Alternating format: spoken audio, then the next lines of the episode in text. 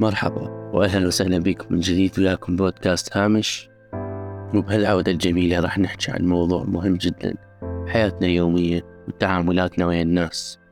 بعصر السرعة تغير كل شيء حتى النفوس صارت أقل إنسانية. تزايد الخداع وتزايد السمات اللا إنسانية بالمجتمع صار عادي إنه يسوي الشخص أشياء غير أخلاقية أو تدل على اللا أخلاقية واللي منها الثقة. فالأسئلة اللي تجي على بالنا مثلا شلون ممكن نقدر نثق بشخص؟ بأي نوع نثق؟ وبمنو نثق؟ وإلى أي حد نثق؟ ليش صار أكو عدم قدرة في التمييز بين اللي يستحق الثقة وبين اللي ما يستحق؟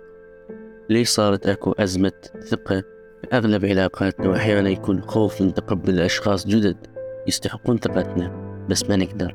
مبدئيا الشخص اللي يكون الثقة يعاني من غياب الضمير أو موت الضمير تقريبا.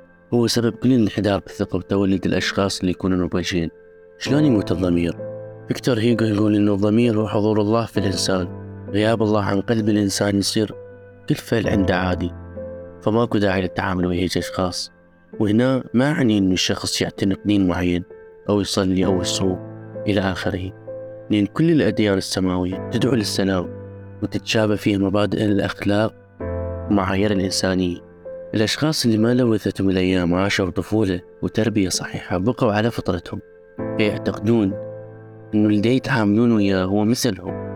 هذا الجزء من البراءة اللي بقى عندهم من طفولتهم.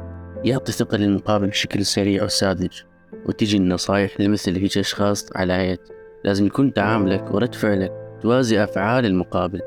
يعني إذا ما تصير مثلهم ياكلونك هيك يقولون هنا أنت لو آمنت بهالشي فأنت راح تنجرف ويا القطيع نفسه. وهذا أكبر خطأ اللي يؤدي إلى ازدياد النفوس المريضة اللي ما تحس بأي عذاب ضمير لما تأذي شخص. أو تكسر الثقة فيه. الفيلسوف الألماني نيتشه يقول نحن نعيش في عالم إرادة القوة.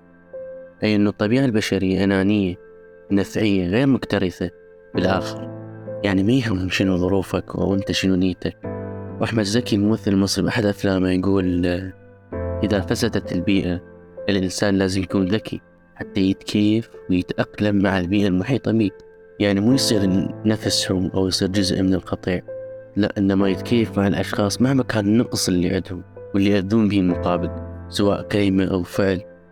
ففي ذكاء الإنسان ومراقبته لذاته ما يسمح للشخص المقابل أن ينقل إلى الأفكار المسمومة الأمراض النفسية الأفعال المشينة. كجانب آخر نفسي أيضا للشخص اللي يكسر الثقة.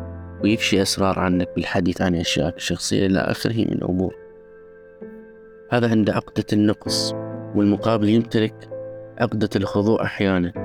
وهنا أمام ثلاث خيارات. أولا أما يخضع له ويصير مثله أو جزء منه كأنما صار جزء من القطيع. ثانيا يواجهه كأن أي شخص على طريقته الخاصة بوضع الحدود مع هذا الشخص لكن بذكاء وليس بتهجم وتهديد حتى تكون الأمور من صالحنا. الثالث هو الترفع عن الرد أي قطع التعامل مع الشخص. أنا شخصيا ضد أي تعامل لا أخلاقي أو لا إنساني كرد فعل منك. لو سوينا هيجي راح نقلل من قيمتنا أمام هذا اللي ما عنده قيمة.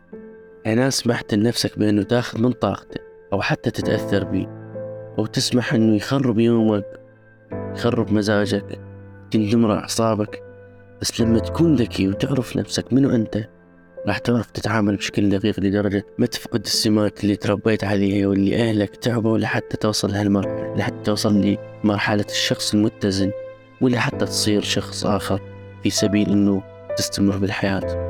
خيار أنه تصبح عديم الإنسانية حتى تعيش تحت قول إن لم تكن ذئبا أكلتك الذئاب هنا راح يكون طريق عودتك مستقبلا راح تكون صعبة مشوه مزاج سيء مريض نفسيا.